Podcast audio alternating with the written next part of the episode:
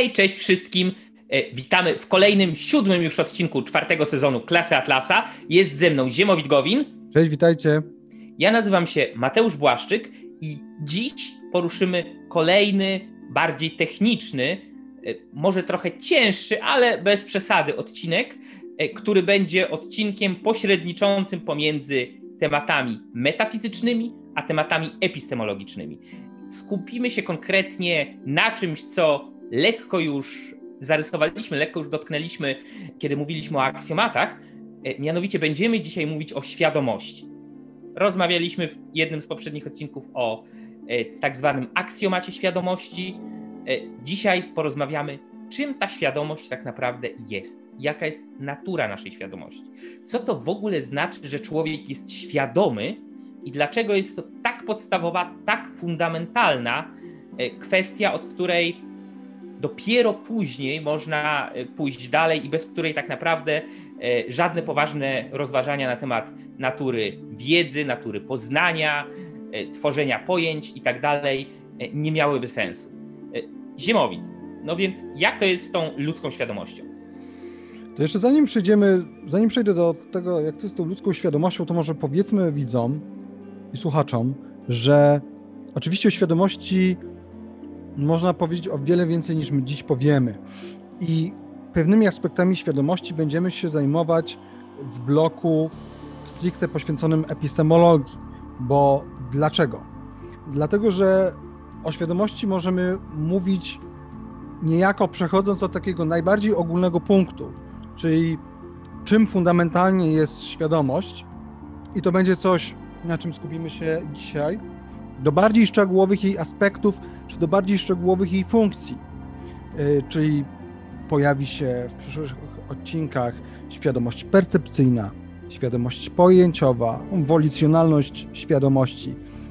Więc te wszystkie, powiedziałbym, aspekty, czy bardziej szczegółowe cechy świadomości będziemy omawiać też w przyszłych odcinkach, więc tak, na, tak naprawdę dzisiaj się ze świadomością nie żegnamy, to jest po prostu pewien wstęp, Właściwie już drugi, bo pierwszy pojawił się przy aksjomacie tożsamości. Yy, przy aksjomacie tożsamości, świadomości i aksjomacie yy, istnienia. Yy, no więc dzisiaj, dzisiaj właśnie tak jak Mateusz, tak jak powiedziałeś, przejdziemy właśnie od, od metafizyki do epistemologii. Co zresztą jest ze sobą, jak wiemy, bezpośrednio związane, jak cała, jak cała filozofia jest ze sobą związana, to jest system naczyń połączonych. No więc dzisiaj chcielibyśmy omówić kilka cech ogólnych dotyczących świadomości. Oczywiście z perspektywy obiektywistycznej, więc nie będziemy wchodzili w różne koncepcje, e, takie jak e, fizykalizm redukcyjny, jak eliminatywizm, epifenomenalizm, dualizmy wszelkiego rodzaju. Tego typu koncepcji w filozofii umysłu jest bardzo dużo. Jeżeli byłoby zapotrzebowanie na taki odcinek, to dawajcie znać w komentarzach. Sądzę, że będziemy mogli taki nagrać, czyli taki odcinek wprowadzający do filozofii umysłu i do różnych stanowisk. Dzisiaj będziemy mówić, jak to jest z perspektywy y, filozofii Rand, filozofii obiektywistycznej. Więc ja zacznę, Mateusz, od pierwszej cechy. I pierwsza cecha, jeżeli chodzi o świadomość, no pamiętajmy, że ze świadomość, świadomość świadomości się pojawia e, przy uchwyceniu aksjomatu świadomości. Czyli tak, z faktu, że ja uchwytuję aksjomat istnienia, tak, że coś istnieje, uchwytuję, że posiadam pewną świadomość, dzięki której ja to uchwytuję i w ten sposób identyfikuję świadomość jako władzę postrzegania tego, co jest. Więc to jest taka podstawa, tak? Świadomość jako władza postrzegania tego, co jest, tego, co y, istnieje. No i pierwszą rzeczą, którą należy powiedzieć, to jest to, że świadomość jest zawsze świadomością y, kogoś i świadomością czegoś, czyli zawsze jest podmiot, czyli powiedzmy osoba, która jest świadoma, jak i przedmiot, który, y, którego, którego, jest się świadomym. Którego jest się świadomym, czy który się postrzega. Tak, czyli mówiąc, mhm. upraszczając, ktoś zawsze jest świadomy czegoś. Tak? Nie ma e, innej opcji, że nikt nie jest świadomy czegoś, że jakiś nie, niebyt, nie osoba, nieświadomość miałaby być świadoma, albo że ktoś jest świadomy i tutaj puste, yy, puste trzy kropki, świadomy w ogóle, po prostu, świadomy niczego, bez żadnego przedmiotu bycia świadomym, tak? Ktoś, coś, a świadomość to jest to, co łączy i pozwala komuś uchwycić istnienie czegoś. Tak, i to mogą być bardzo różne rzeczy.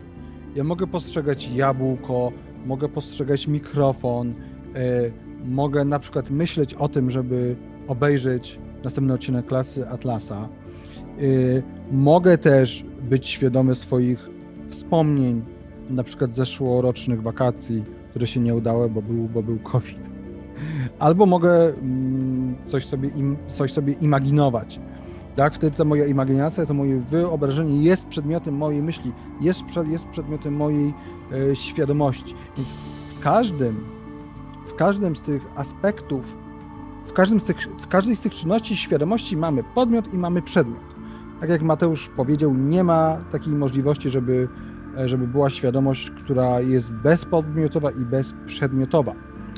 I to jest bardzo istotne, bo tak jak powiedzieliśmy, z aksjomatu świadomości w połączeniu z aksjomatem istnienia wynika, że yy, zawsze świadomość, jakby zawsze świadomość musi być poprzedzona przez coś, co istnieje wcześniej, albo co przynajmniej istnieje poza tą świadomością, po to, żeby ta świadomość mogła być tym, czym jest, czyli władzą postrzegania.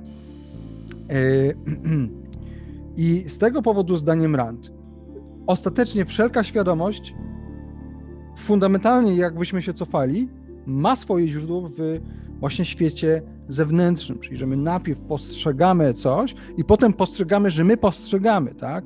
Potem przychodzi e, ta świadomość świadomości. E, tak, czyli jakby odwołując się do tego, co mówiliśmy w odcinku o e, aksjomatach, to pokazuje prymat yy, aksjomatu istnienia i prymat istnienia samego w sobie, o czym jeszcze będziemy mówić, ale faktycznie zanim przejdziemy do tego, że coś postrzegamy, to musimy coś postrzegać. Tak, czyli to jest krok yy, pierwszy, krok drugi to jest o kurczę, jestem jakiś ja, który mam jakąś świadomość i ja coś postrzegam, ja coś widzę, ja coś myślę, ja coś etc., etc. Dokładnie tak jest i też stąd cytat z Rand. Bezpośrednio lub y, pośrednio każde zjawisko świadomości bierze się ze świadomości, ono tu używa słowa awareness, świata zewnętrznego. Tak? Czyli to, to jest powtórzenie tego, że ostatecznie źródło, wszelkie źródło świadomości ma e, jakby zawsze źródłem świadomości jest, jest ostatecznie świat zewnętrzny.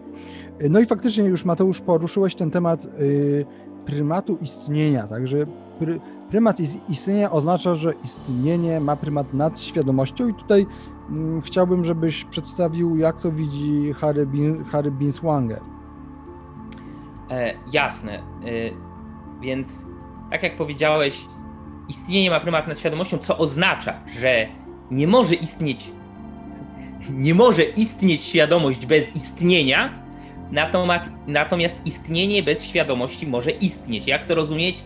E, jeśli ktoś się już zakałapućkał trochę w tej terminologii. E, ano bardzo prosto.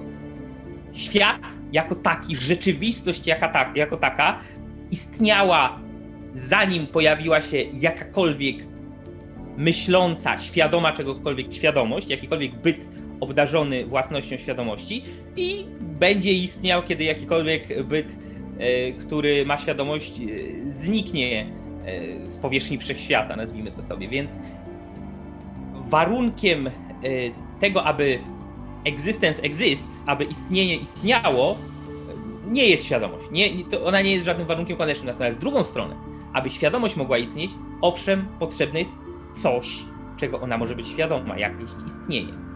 Jeśli chodzi o Harry'ego Binswangera, który jest tutaj jednym e, z no, najbardziej, wydaje mi się, obeznanych e, filozofów obiektywistycznych, jeśli chodzi o temat E, świadomości i epistemologii w ogóle, no to tutaj taki e, krótki cytat. Cytuję.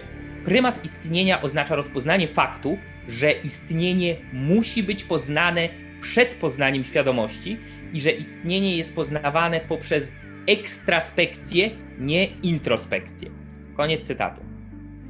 E, no i tutaj warto w tym momencie zwrócić e, również uwagę na to, że nawet jeśli nie wprost, bez chociażby takiego nie wprost implicite e, przyjęcia aksjomatu istnienia, nie moglibyśmy w zasadzie uchwycić żadnego pojęcia związanego ze świadomością, nie moglibyśmy nic powiedzieć na temat tego, czego rzekomo moglibyśmy być świadomi, bo nie mielibyśmy na przykład takich e, pojęć jak widzieć czy myśleć. Tak, widzieć czy myśleć zawsze jest związane z tym, co się widzi i o czym się myśli. E, I żeby takie pojęcia w ogóle mogły istnieć, jak widzenie, myślenie, tak, e, to musi istnieć różnica, musi istnieć rozróżnienie pomiędzy czyjąś świadomością, czyli tym, że ktoś jest świadomy czegoś, a przedmiotem, którego jest się świadomy. Czyli tego, na co się patrzy, y, tego, co się widzi, y, tego, o czym się, o czym się y, myśli. Więc akt patrzenia i widzenia z jednej strony, to, co jest widziane z drugiej. I jeśli odrzuci się ten, odrzuci się prymat istnienia tutaj, to, że istnienie jest fundamentem, i spróbuje się dokonać odwrócenia, czyli będziemy mieli wtedy do czynienia z prymatem świadomości.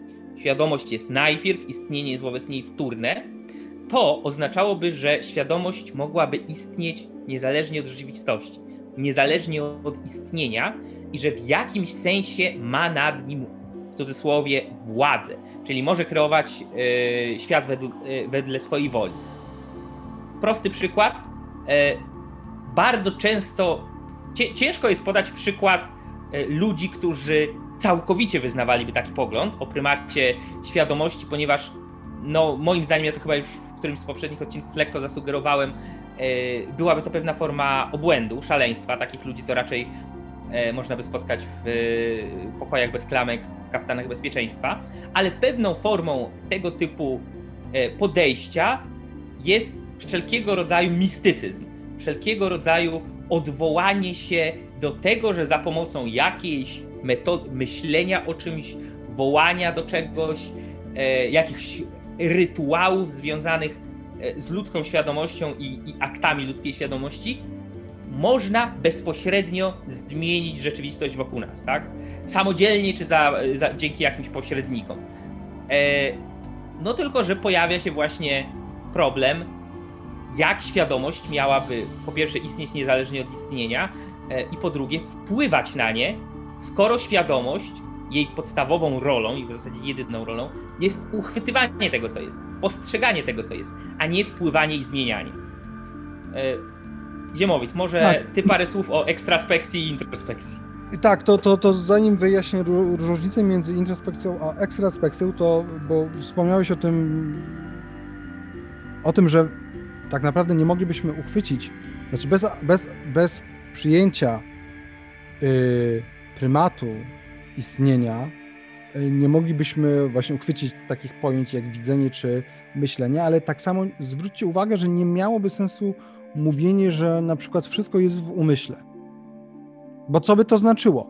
To w ogóle negowałoby samo pojęcie umysłu, czyli tego, że jest pewien umysł, czyli o, nazwijmy to pewna substancja, pe, pewien byt, który ma jakąś świadomość i on jest świadomy czegoś że są pewne rzeczy, których on może być świadomy.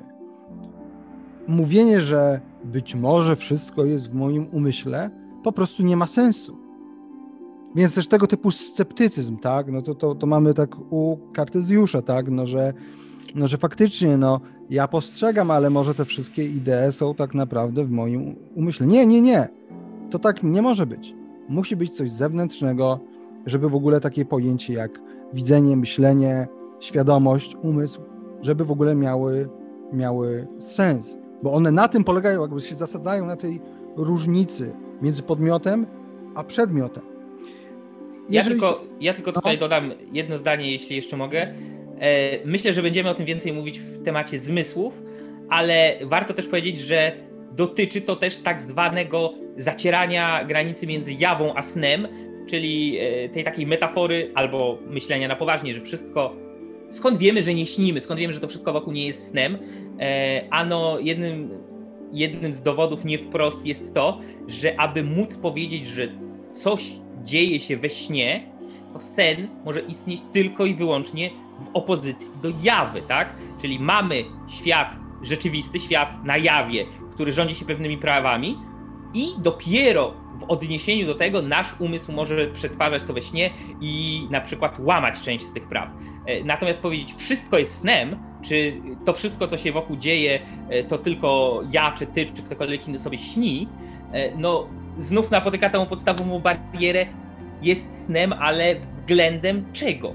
Wobec czego? Skoro nie ma niczego innego, no to, to kategoria snu, pojęcie snu jest w ogóle absurdalne. Tak, i my na pewno się zajmiemy różnymi tego typu argumentami sceptyckimi. Tak też odpowiemy w przyszłych odcinkach na pytanie, e, czy pewność jest możliwa. Tak, czy można być czegokolwiek pewnym? E, bo jak niektórzy sceptycy twierdzą, niczego nie można być pewnym. I też między innymi właśnie tu Mateusz bardzo dobry przykład e, podałeś właśnie tak, takiego sceptyckiego to, to, to, to nie jest argument, ale takie hipoteza, że być może wszystko się nam śni. No dobra, ekstraspekcja, introspekcja. Sądzę, że większość z Was wie, czym jest introspekcja. To jest, jest spoglądanie wewnątrz, do własnego umysłu, do własnych stanów mentalnych. Introspekcyjnie możemy się zastanawiać nad tym, jak myślimy, co odczuwamy i tak dalej. Natomiast ekstraspekcja to jest po prostu poznanie na zewnątrz, czyli skierowanie swojego umysłu, ale też swoich e, organów poznawczych, tak, wzroku, słuchu, węchu, smaku i czy dotyku i tak dalej, na świat zewnętrzny. Stąd ta opozycja, introspekcja i ekstraspekcja.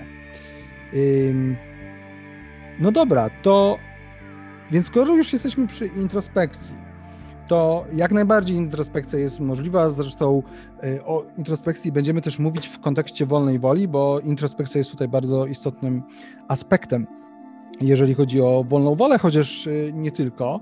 Y, no więc jak najbardziej na gruncie obiektywizmu introspekcja, akt introspekcji jest możliwy, ba. On jest, jest zasadny. On jest, on jest zasadny, tak? No bo możemy być świadomi swoich stanów mentalnych, swoich emocji, swoich myśli. Możemy być świadomi tego, że jesteśmy świadomi ergo, albo to znaczy, że posiadamy zdolność samoświadomości, tak? Natomiast, i to jeszcze raz cofamy się do punktu, że musi być świat zewnętrzny, żeby była świadomość. I podobnie jest w relacji między ekstraspekcją a introspekcją. Musi być najpierw ekstraspekcja, poznanie, ze, poznanie zewnętrzne, żeby potem była możliwa introspekcja. Dlaczego? Dlatego, że żeby w ogóle doszło do introspekcji, to musimy najpierw coś postrzegać, bo bez postrzeżenia czegoś najpierw nie jesteśmy świadomi. A nie będąc w ogóle świadomymi, co oczywiście w przypadku wszelkich bytów świadomych jest niemożliwe, ale gdybyśmy, y, gdyby ekstraspekcja nie poprzedzała introspekcji, to nie byłoby żadnych treści mentalnych, y, wobec których moglibyśmy się zastanawiać, tak? czyli stosować tę introspekcję. Więc można to w taki nie do końca trafny, ale sądzę, że dobrze obra, e, obrazujący sposób, że najpierw musimy wypełnić to naczynie, żeby móc w ogóle sprawdzić, co w tym naczyniu jest. Bez tego w ogóle introspekcja nie byłaby, nie byłaby e, możliwa. No więc tutaj można po, po, powiedzieć, że świadomość poprzedza samoświadomość. To zresztą wydaje się dość intuicyjne. Nie wiem, jak tobie, Mateusz, się wydaje. Yy, tak, no, że żeby była samoświadomość, to musi być świadomość, tak? Żebym był świadomy tego, że jestem świadomy, muszę najpierw być świadomy. Yy, no i tutaj jeszcze yy, dwa cytaty z Rand. Pierwszy cytat z przemowy Galta.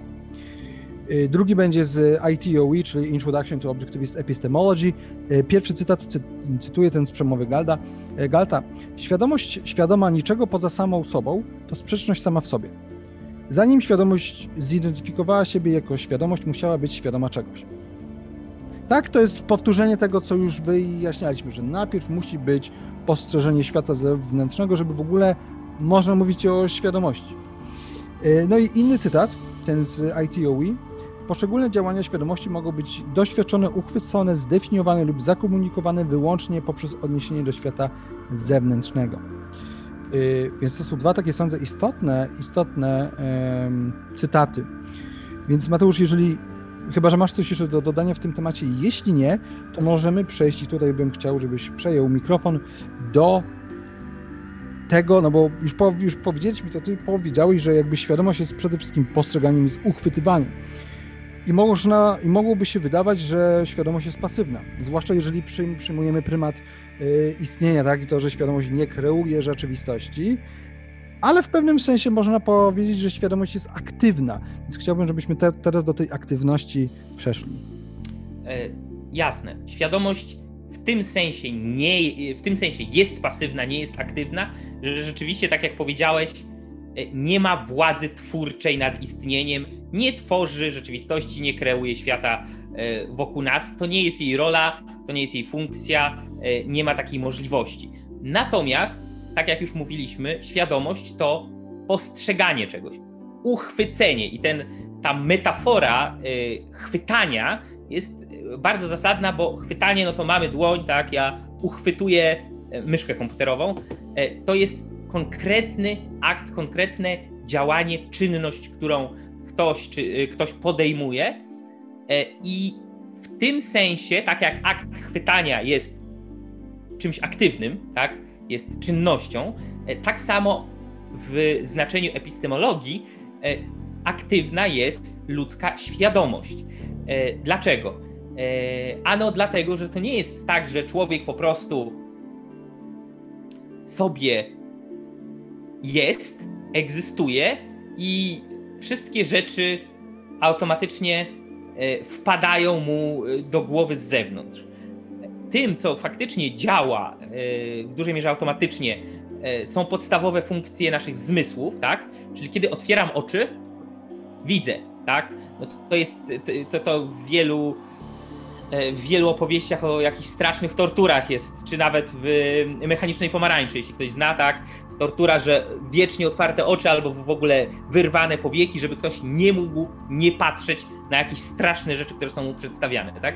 Więc w tym sensie wzrok jest automatyczny, tak? E, I inne zmysły. Natomiast nasza e, świadomość, po pierwsze skierowanie tego wzroku, tak? Na przykład spojrzenie na pierwszy plan albo drugi i wyostrzenie, na co patrzymy, nie jest już automatyczne i wszystko, co nasza świadomość robi później z obrazami dostarczonymi przez oczy, przez wzrok, e, z odczuciami dostarczonymi przez dotyk i tak dalej, i tak dalej, i tak dalej, nie jest już również automatyczne. To jest e, wynik aktywnej działalności świadomości. O tym myślę, że też będziemy mówić, kiedy będziemy mówili o wolicjonalności świadomości, bo to jest istotne włączyć, wyłączyć. E, tak wyższe procesy poznawcze, nazwijmy to sobie. To jest bardzo duży i bardzo ciekawy temat, to Was zapewniam, ale zostawiamy e, na później. W tej chwili warto, żebyście e, pamiętali, że epistemologicznie świadomość jest aktywna. W przypadku świadomości pojęciowej nie możemy zatrzymać jej e, strumienia, nie możemy dosłownie zatrzymać się na jednej myśli i zablokować wszystkie inne aspekty i działania świadomości, ale na poziomie percepcyjnym możemy, mamy do czynienia z wieloma procesami fizycznymi, e, które zachodzą cały czas, gdy jesteśmy świadomi. Na przykład słuchacie tego podcastu, tak? Dźwięk dociera do waszych uszu i e, epistemologicznej aktywności świadomości możemy nie dostrzegać bezpośrednio na poziomie percepcyjnym, chociaż to jest możliwe, ale na poziomie pojęciowym, na poziomie świadomego myślenia już tak. To są dwa poziomy E, dwa takie podstawowe poziomy funkcjonowania świadomości, o których będziemy jeszcze na pewno dużo mówili, bo to jest bardzo ważna rzecz. E, ale już teraz powiedzmy poziom percepcyjny, poziom zmysłowy dotyczy właśnie bodźców, które docierają do nas za pośrednictwem zmysłów i można powiedzieć automatycznie są zbierane przez nasze zmysły, tak? Otwieram oczy, coś widzę. Poziom pojęciowy, e, koncepcyjny E, jest już poziomem wyższym, w którym e, konieczne jest zaangażowanie, e, aktywne zaangażowanie procesów poznawczych. O tym też będzie dalej.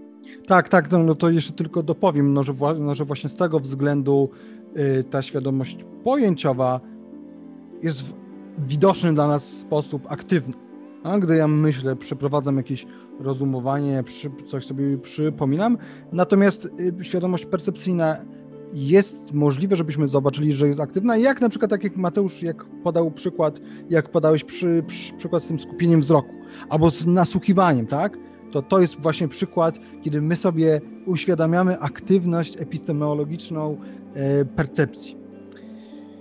No dobra, przechodzimy do przedostatniego yy, tematu, czyli do czegoś, co moglibyśmy tak górnolo, górnolotnie nazwać ontologiczną naturą świadomości. E, czyli czym Metafi Metafizyka epistemologii. Tak, w pewnym sensie. No więc generalnie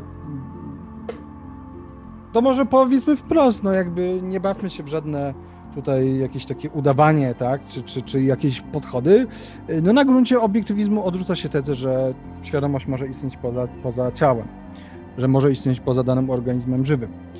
Yy, no na gruncie obiektywizmu yy, świadomość jest to władza biologiczna. Jest to coś, co przysługuje organizmowi żywemu. Więc na gruncie obiektywizmu, jako że odrzuca się tezę o mm, jakiejś niematerialnej, odłącznej od ciała natury duszy, yy, odrzuca obiektywizm. Yy, na przykład koncepcję, zgodnie z którą osoba to jest złączenie niematerialnej duszy z materialnym ciałem. To jest taka koncepcja, to jest, to jest taki bardzo znany dualizm, czasem się to nazywa dualizmem e, kartezjańskim, aczkolwiek z kartezjanizmem też, też tego terminu się używa na inny rodzaj dualizmu, ale o tym zaraz e, powiem. No więc mamy koncepcję, zgodnie z, z którą osoba, wy, jesteście połączeniem ciała i niematerialnej duszy, tak? czyli sfery fizycznej, sfery mentalnej i przez przez połączenie powstaje kapitan planeta, czy po prostu osoba. I to jest tak zwany du dualizm złożony, tak się czasem to e, nazywa. E, no więc to obiektywizm odrzuca, odrzuca też tezę, że osoba jest tożsama z niematerialną duszą. Czyli, że my jesteśmy, wiecie, tak jak w tych wczesnochrześcijańskich e, koncepcjach, takich mocno neoplatońskich, jesteśmy więźniami ciała, w, ciała jesteśmy tak dusza uwięziona w ciele, tak? Tak, że my jesteśmy duszą, a ciało to jest taki robot, którym my jakby poruszamy. Tak. E... Tak. I, i, I, to jest koncepcja, wiecie, yy, to się nazywa fachowo, oczywiście znowu nazwy są różne, e, też niektórzy to kartezjanizmem nazywają, inni to nazywają dualizmem prostym, prostym w tym sensie, że mamy do czynienia z jedną substancją, mianowicie z, z substancją niematerialną, Y, pozafizyczną, która jest przygodnie złączona z ciałem. Czyli to nie jest tak, że ja muszę mieć ciało, żeby istnieć. Y, no więc, więc te koncepcje, tego typu koncepcje są odrzucane. No i na gruncie obiektywizmu sądzę, że nie będę daleki od prawdy, jak powiem, że tak naprawdę świadomość nie jest przedmiotem nie jest przedmiotem, nie jest przedmiotem w sensie substancji, bo wiecie, jest takie, taki typowy problem w filozofii umysłu, problem y, umysł-ciało. Jaka jest relacja między umysłem, czyli świadomością, a ciałem? Tutaj często się tra traktuje świadomość jako pewien osobny przedmiot, jako pewną właśnie substancję. Sądzę, że jest to błędne podejście. Dlaczego? Dlatego, że świadomość, tak jak wszelka, wszelkie inne władze organizmów biologicznych, no, w tym wypadku tych, które świadomość posiadają, czyli wyższe zwierzęta, no różne zwierzęta mają różne poziomy świadomości, ale już skupmy się na e, człowieku. Tak naprawdę na gruncie, to znaczy na, na gruncie obiektywizmu świadomość to jest pewna aktywność organizmu żywego. Y, Oj, y, popraw mnie, jeśli się, jeśli pomylę, e, tutaj będzie to błędna analogia, ale powiedziałbym, że świadomość jest pewną aktywnością, pewnym działaniem, pewnym procesem, podobnie jak aktywnością, działaniem, procesem jest zjawisko życia. Tak? Życie per se też nie jest jakimś bytem, e, który magicznie wchodzi w, e, w martwe ciała i je pobudza, tylko jest właśnie pewnym procesem samonapędzającym się. I tak samo świadomość w ramach tego procesu życia u niektórych organizmów jest pewnym procesem postrzegania, uchwytywania rzeczywistości i tego, co później z tymi postrzeżeniami się robi. W ramach tak, tak. I myślę, że potwierdza to cytat z Binswangera. Cytuję: Ludzka świadomość to aktywność osoby, yy, która to aktywność wiąże się z interakcją ciała tej osoby ze światem zewnętrznym, tak? Czyli jest to pewna aktywność. I teraz tutaj jest istotne, bo, to, bo, bo też za chwilkę przejdziemy do ostatniego punktu, czyli do nieredukowalności świadomości i pod względem semantycznym, i pod względem metafi metafizycznym, obiektywizm nie tylko odrzuca takie dualizmy, mm, platońskie, kartezjańskie, ale odrzuca też materializmy, zwłaszcza te, które próbują świadomość zredukować do yy, czysto fizycznego, czysto fizjoneurobiologicznych yy, jakby zdarzeń, czy zdarzeń. Tak, czyli że mamy czyli że mamy bardzo konkretnie możliwe do prześledzenia niczym ruch kuli bilardowej na stole yy, procesy chemiczne w mózgu, które z punktu A w sposób e, niezawodnie konieczny muszą wieść do punktu B, e, tak samo jak kolizja planet albo, tak, albo coś takiego. Oczywiście i, i, i, tutaj, i tutaj obiektywizm e, jakby zgadza się z tezą, że świadomość jest możliwa dzięki temu, że istnieje pewne podłoże biologiczne, podłoże fizyczne, tak, fizykochemiczne, jakieś, wiecie, no trzeba mieć układ nerwowy, żeby mieć świadomość, tak? Trzeba mieć mózg jakiś.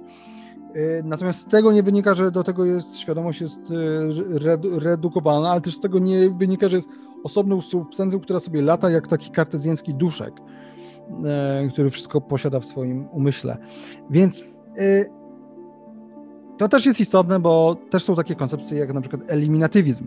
Zgodnie z eliminatywizmem zupełnie w ogóle gadanie o to, co my mówimy cała, cały dyskurs dotyczący stanów mentalnych, więc też cała psychologia dotyczący emocji, złości, miłości, yy, myślenia i tak dalej, to jest wszystko do wyrzucenia, to jest tak zwana psychologia ludowa, czy psychologia potoczna, my się nią nie zajmujemy, pra, prawdziwa nauka, przyszłość neurobiologii będzie polegała na tym, że będzie nam tłumaczyła, co się dzieje w mózgu.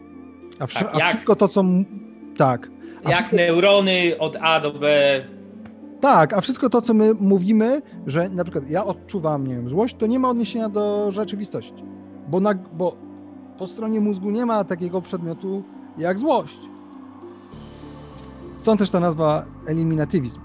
I, więc ja bym powiedział, to już tak na, tak na marginesie, że moim zdaniem i to jest moja interpretacja, najbliżej jest obiektywizmowi do koncepcji Johna Serla, czyli do koncepcji e, biologicyzmu. Znaczy, że świadomość jakby jest wytworem e, organizmów żywych, jest wytworem biologicznym i też wspomnę, przepraszam Mateusz, że to robię, ale muszę to wspomnieć, bo też na gruncie obiektywizmu trudno sobie pomyśleć tak zwaną sztuczną, mocną sztuczną inteligencję. To jest taki podział, wiecie, słaba sztuczna inteligencja to są komputery, nie?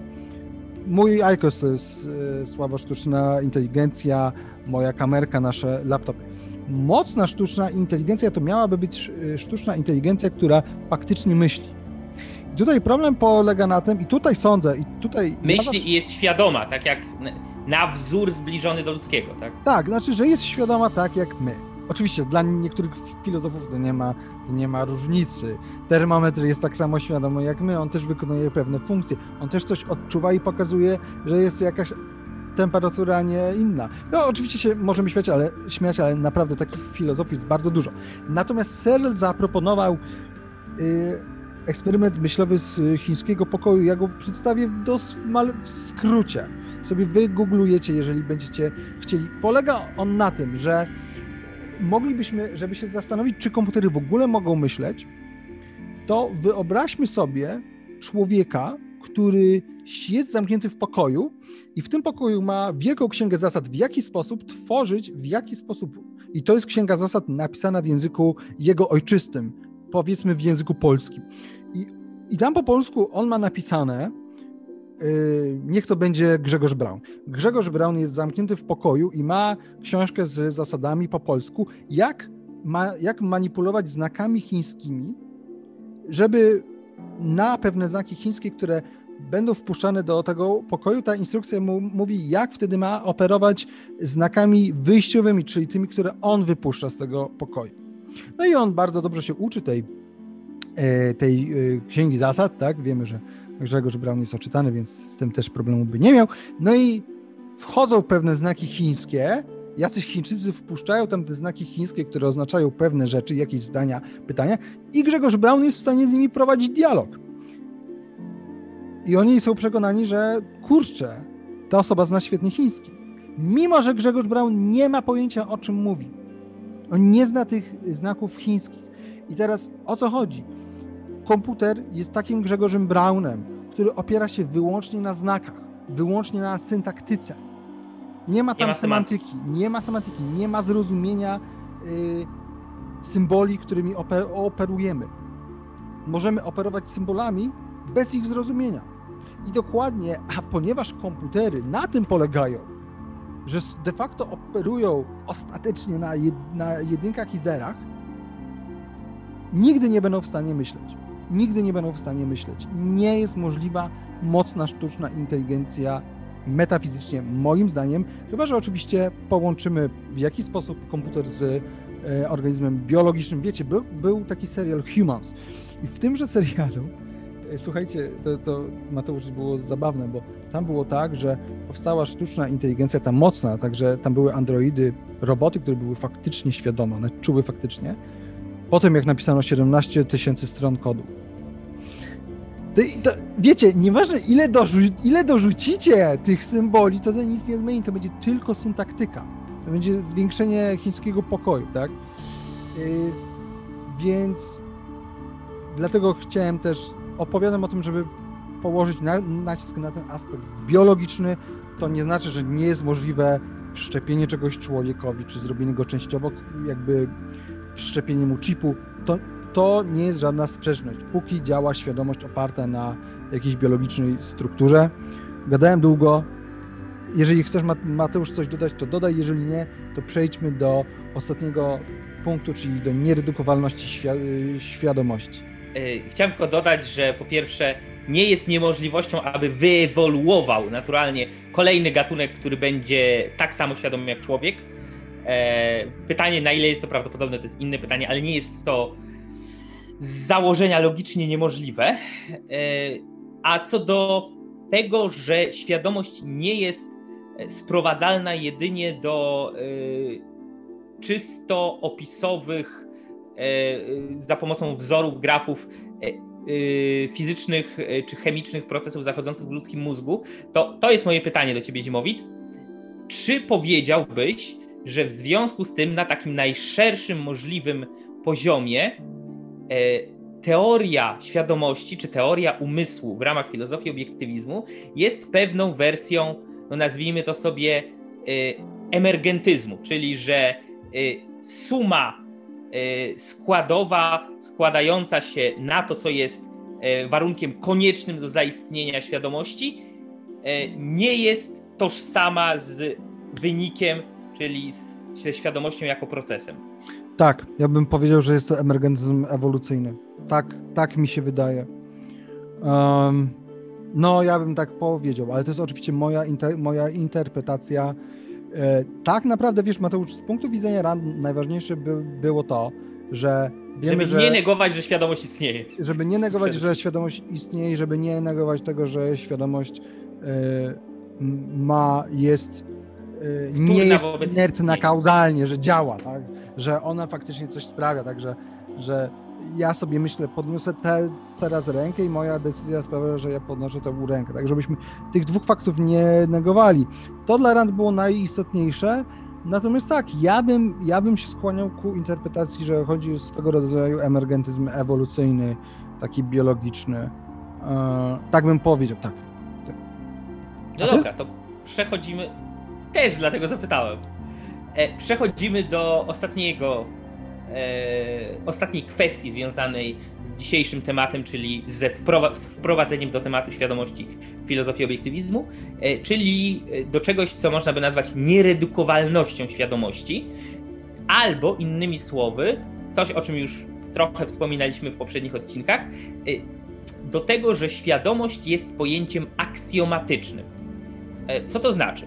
E, na gruncie filozofii obiektywizmu pojęcie świadomości to e, pojęcie aksjomatyczne. Będziemy to omawiać w kolejnych odcinkach. E, I pozwolę sobie na krótki cytat z Ayn Rand. Cytuję.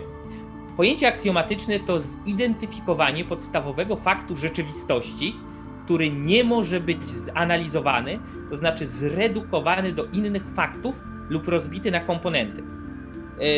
To jest ten atom w, naszym, w naszych rozważaniach. To jest to, czego teoretycznie nie możemy już rozbić dalej. Znaczy atom wiemy, że możemy rozbić, ale pierwotnie wszyscy myśleli, że nie wiem. No ten przysłowiowy atom. atom. Tak, ten przysłowiowy atom. Dalsza część cytatu. Znajduje się implicite we wszystkich faktach i we wszelkiej wiedzy. Jest tym, co fundamentalnie dane i bezpośrednio postrzeżone lub doświadczone, nie wymagając dowodu lub wyjaśnienia. To na nim opierają się wszelkie dowody i wyjaśnienia. Można badać to, co istnieje e, lub jak funkcjonuje świadomość, ale nie można zanalizować lub w cudzysłowie dowieść istnienia jako takiego świadomości, e, jako takiego lub świadomości jako takiej. Koniec cytatu. To odnosi się do tego, co mówiliśmy w odcinku o aksjomatach, czyli aksjomaty nie tylko nie potrzebują dowodu, bo jest to niemożliwe, co same są podstawą wszelkiego dowodzenia i y, umożliwiają istnienie e, jakichkolwiek dowodów. Tak, no i jakby z aksjomatu świadomości, każdy aksjomat, w tym aksjomat świadomości jest percepcyjnie samo oczywisty. Jak my go uchwytujemy w sposób samo oczywisty implicite, potem możemy to zrobić explicite, czyli to, co zrobiliśmy w tym odcinku o aksjomatach i też przedstawialiśmy, dlaczego próby obalenia tych aksjomatów i tak je, i tak je zakładają. Y, no i tutaj jeszcze to oczywiście nie znaczy, że nie możemy właśnie badać tej struktury, y, tej struktury, z której wyłania się świadomość, jeżeli już jesteśmy przy emergentyzmie, tak? Czyli mamy tę, tę bazę z której emerguje świadomość, tak to, tak to nazwijmy na potrzeby tego odcinka. E, no i tutaj wyjaśnia znaczy, tylko. No, no, no, mów, mów. Jeszcze tylko powiem, tak, być może to widzą uprości. E, to jest różnica pomiędzy e, filozofią a naukami szczegółowymi.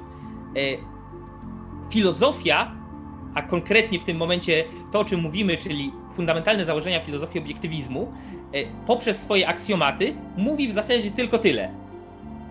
Istnienie istnieje, coś jest, e, istnieje świadomość, która to postrzega, bo mogłeś postrz e, postrzec to istnienie, że istnieje i wszystko, co istnieje, włącznie ze światem zewnętrznym, jak i z tobą, jak i z twoją świadomością, jest jakieś, ma jakąś naturę, a więc aksjomat tożsamości.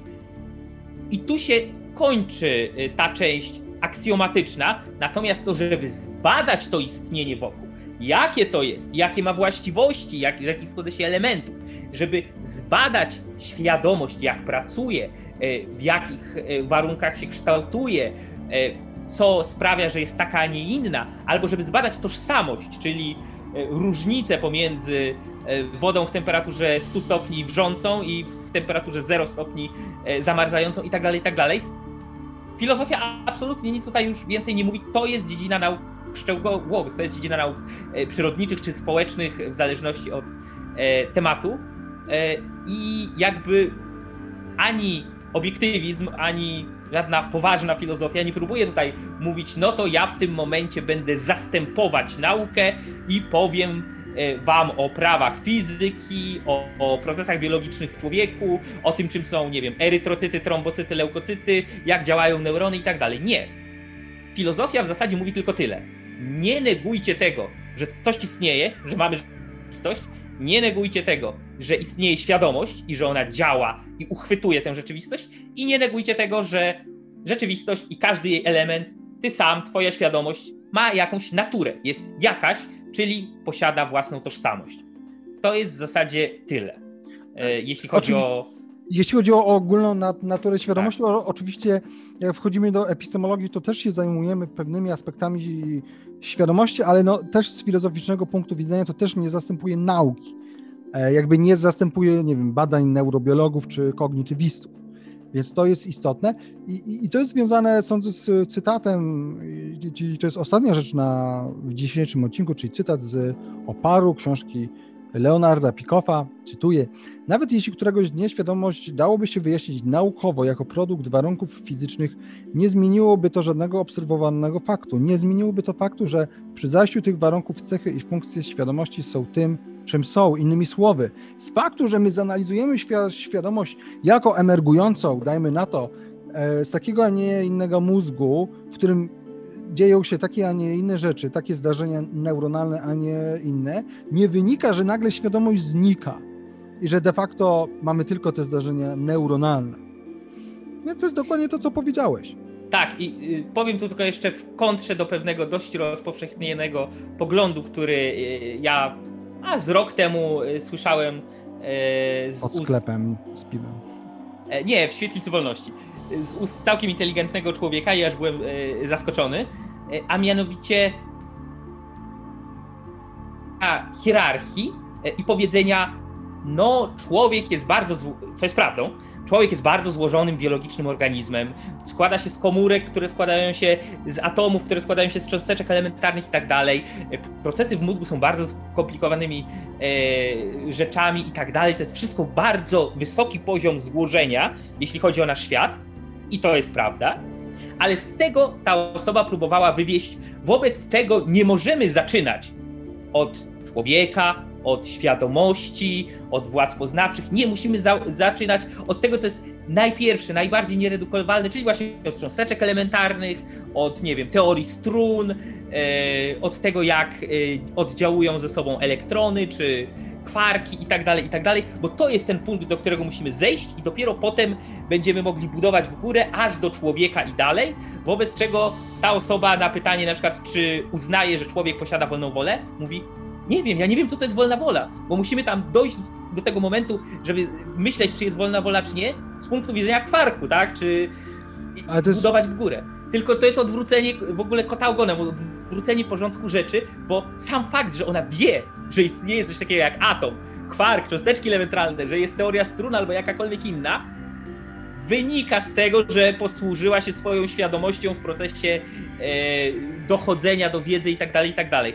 Ale e, ja tylko powiem, że moim zdaniem to wcale nie jest tak rzadko spotykany, e, spotykane przekonanie. To jest taka, bym powiedział, bardzo prostacka i taka brudna wersja, przepraszam, brudna wersja materializmu. Taka zejdźmy do najmniejszego redukowalnego poziomu, ale nie w znaczeniu aksjomatycznym, nie w znaczeniu filozoficznym, tylko w znaczeniu Y, okej, okay, mamy atom, kwark, cokolwiek i od tego wychodźmy, a reszty stwierdźmy, no tak. że nie wiemy nic, tak? Tego to jest mega problematyczne, bo, bo, bo, bo, bo same urządzenia, za pomocą których dochodzimy do tych rzeczy, tak. Są obiektami makroskopowymi. Co więcej, wiele z jakby zjawisk fizycznych, które postulujemy, postulujemy, ponieważ dostrzegamy zmiany w przedmiotach, które jesteśmy w stanie obserwować, czy, czy to gołym okiem, czy to za pomocą tych urządzeń, więc to w ogóle takie tak, myślę, że jest to brudne i prostackie. Nie ma, jakby prze, przestajmy udawać. Tak, też te, niektóre taką... rzeczy trzeba, niektóre rzeczy trzeba po prostu e, powiedzieć wprost, ale warto o nich powiedzieć.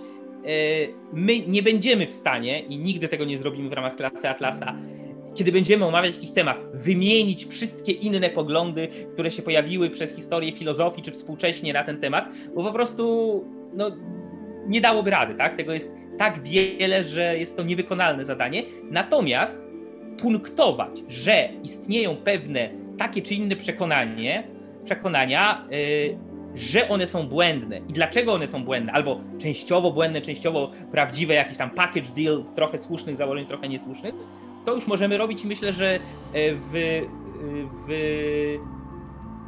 odcinkach poświęconych epistemologii będzie tego całkiem sporo, bo jest sporo no, takich brudów właśnie, które trzeba wyczyścić, sporo dość rozpowszechnionych, popularnych opinii, poglądów, przekonań, e, czy, czy takich nawet mądrości ludowych, e, no, które nie są prawdziwe. Prosto. Tak, i w ogóle jak chodzi, jak człowiek zaczyna filozofować, to nagle się staje taki złośliwy i tak szuka tych argumentów sceptyckich. A może to, a czemu, ta, a czemu nie tamto? Jak próbuje szukać dziury w całym, jest też oczywiście na, na te najbardziej znane argumenty sceptyckie, jeżeli chodzi o percepcję i o wolną wolę i o inne rzeczy, będziemy odpowiadać już właściwie rozpoczynając e, blok poświęcony epistemologii od następnego technicznego odcinka, tak, e, a zaczniemy od pojęć aksjomatycznych a potem przejdziemy do percepcji. Do percepcji, wolnej woli i pojęć. Oj tak. No i sporu o uniwersalia w pewnym tego słowa znaczeniu. No tak, o, o, oczywiście jakby mówiąc o pojęciach będziemy też mówić o sporze o uniwersalia. i o tym, jak to nominalizm średniowieczny zniszczył cywilizację Zachodu. To jest, zawsze mnie bawi jak politolodzy, jak, jak czytam takie książki, wiecie, takich e, jakichś takich historyków idei, takich ludzi, którzy z filozofią tam, tam niewiele wiedzą i mówią, tak, tak, ten nominalizm średniowieczny się rozpoczął i przez to coś tam e, upadła kultura. Ja naprawdę, ja czasami jestem zdumiony, jakie związki przyczynowo-skutkowe widzą ludzie. I to mimo, że nie jesteś nominalistą. E... Nominalistą, tak. Tak, nie, e, to co, Ockham był chyba nominalistą, tak? Między innymi. Od brzytwy Ockhama, nie? On chyba był. No musiał ciąć. musiał ciąć, tak. Nie, o tym, tak, także będziemy przynajmniej wspominać o tym, dlaczego tutaj nie miał racji generalnie ani Platon, ani Ockham, ani uwaga, uwaga, nawet Arystoteles. Nawet Arystoteles się mylił. A, i też jako ciekawostka, tak jak jest brzytwa Ockhama, też wyjaśnimy, czym jest brzytwa Rand. Jest takie pojęcie i my je wyjaśnimy. Dobra, już nie przedłużamy. Bardzo Wam dziękujemy za dzisiaj. E, zadawajcie pytania, lajkujcie, subskrybujcie nasz kanał. Jeżeli uważacie, że warto nas wesprzeć na Patronite, to nas wesprzyjcie na Patronite. Mateusz, dzięki wielkie i dzięki Wam. Dzięki wielkie. Do usłyszenia za tydzień. Trzymajcie się. Hej.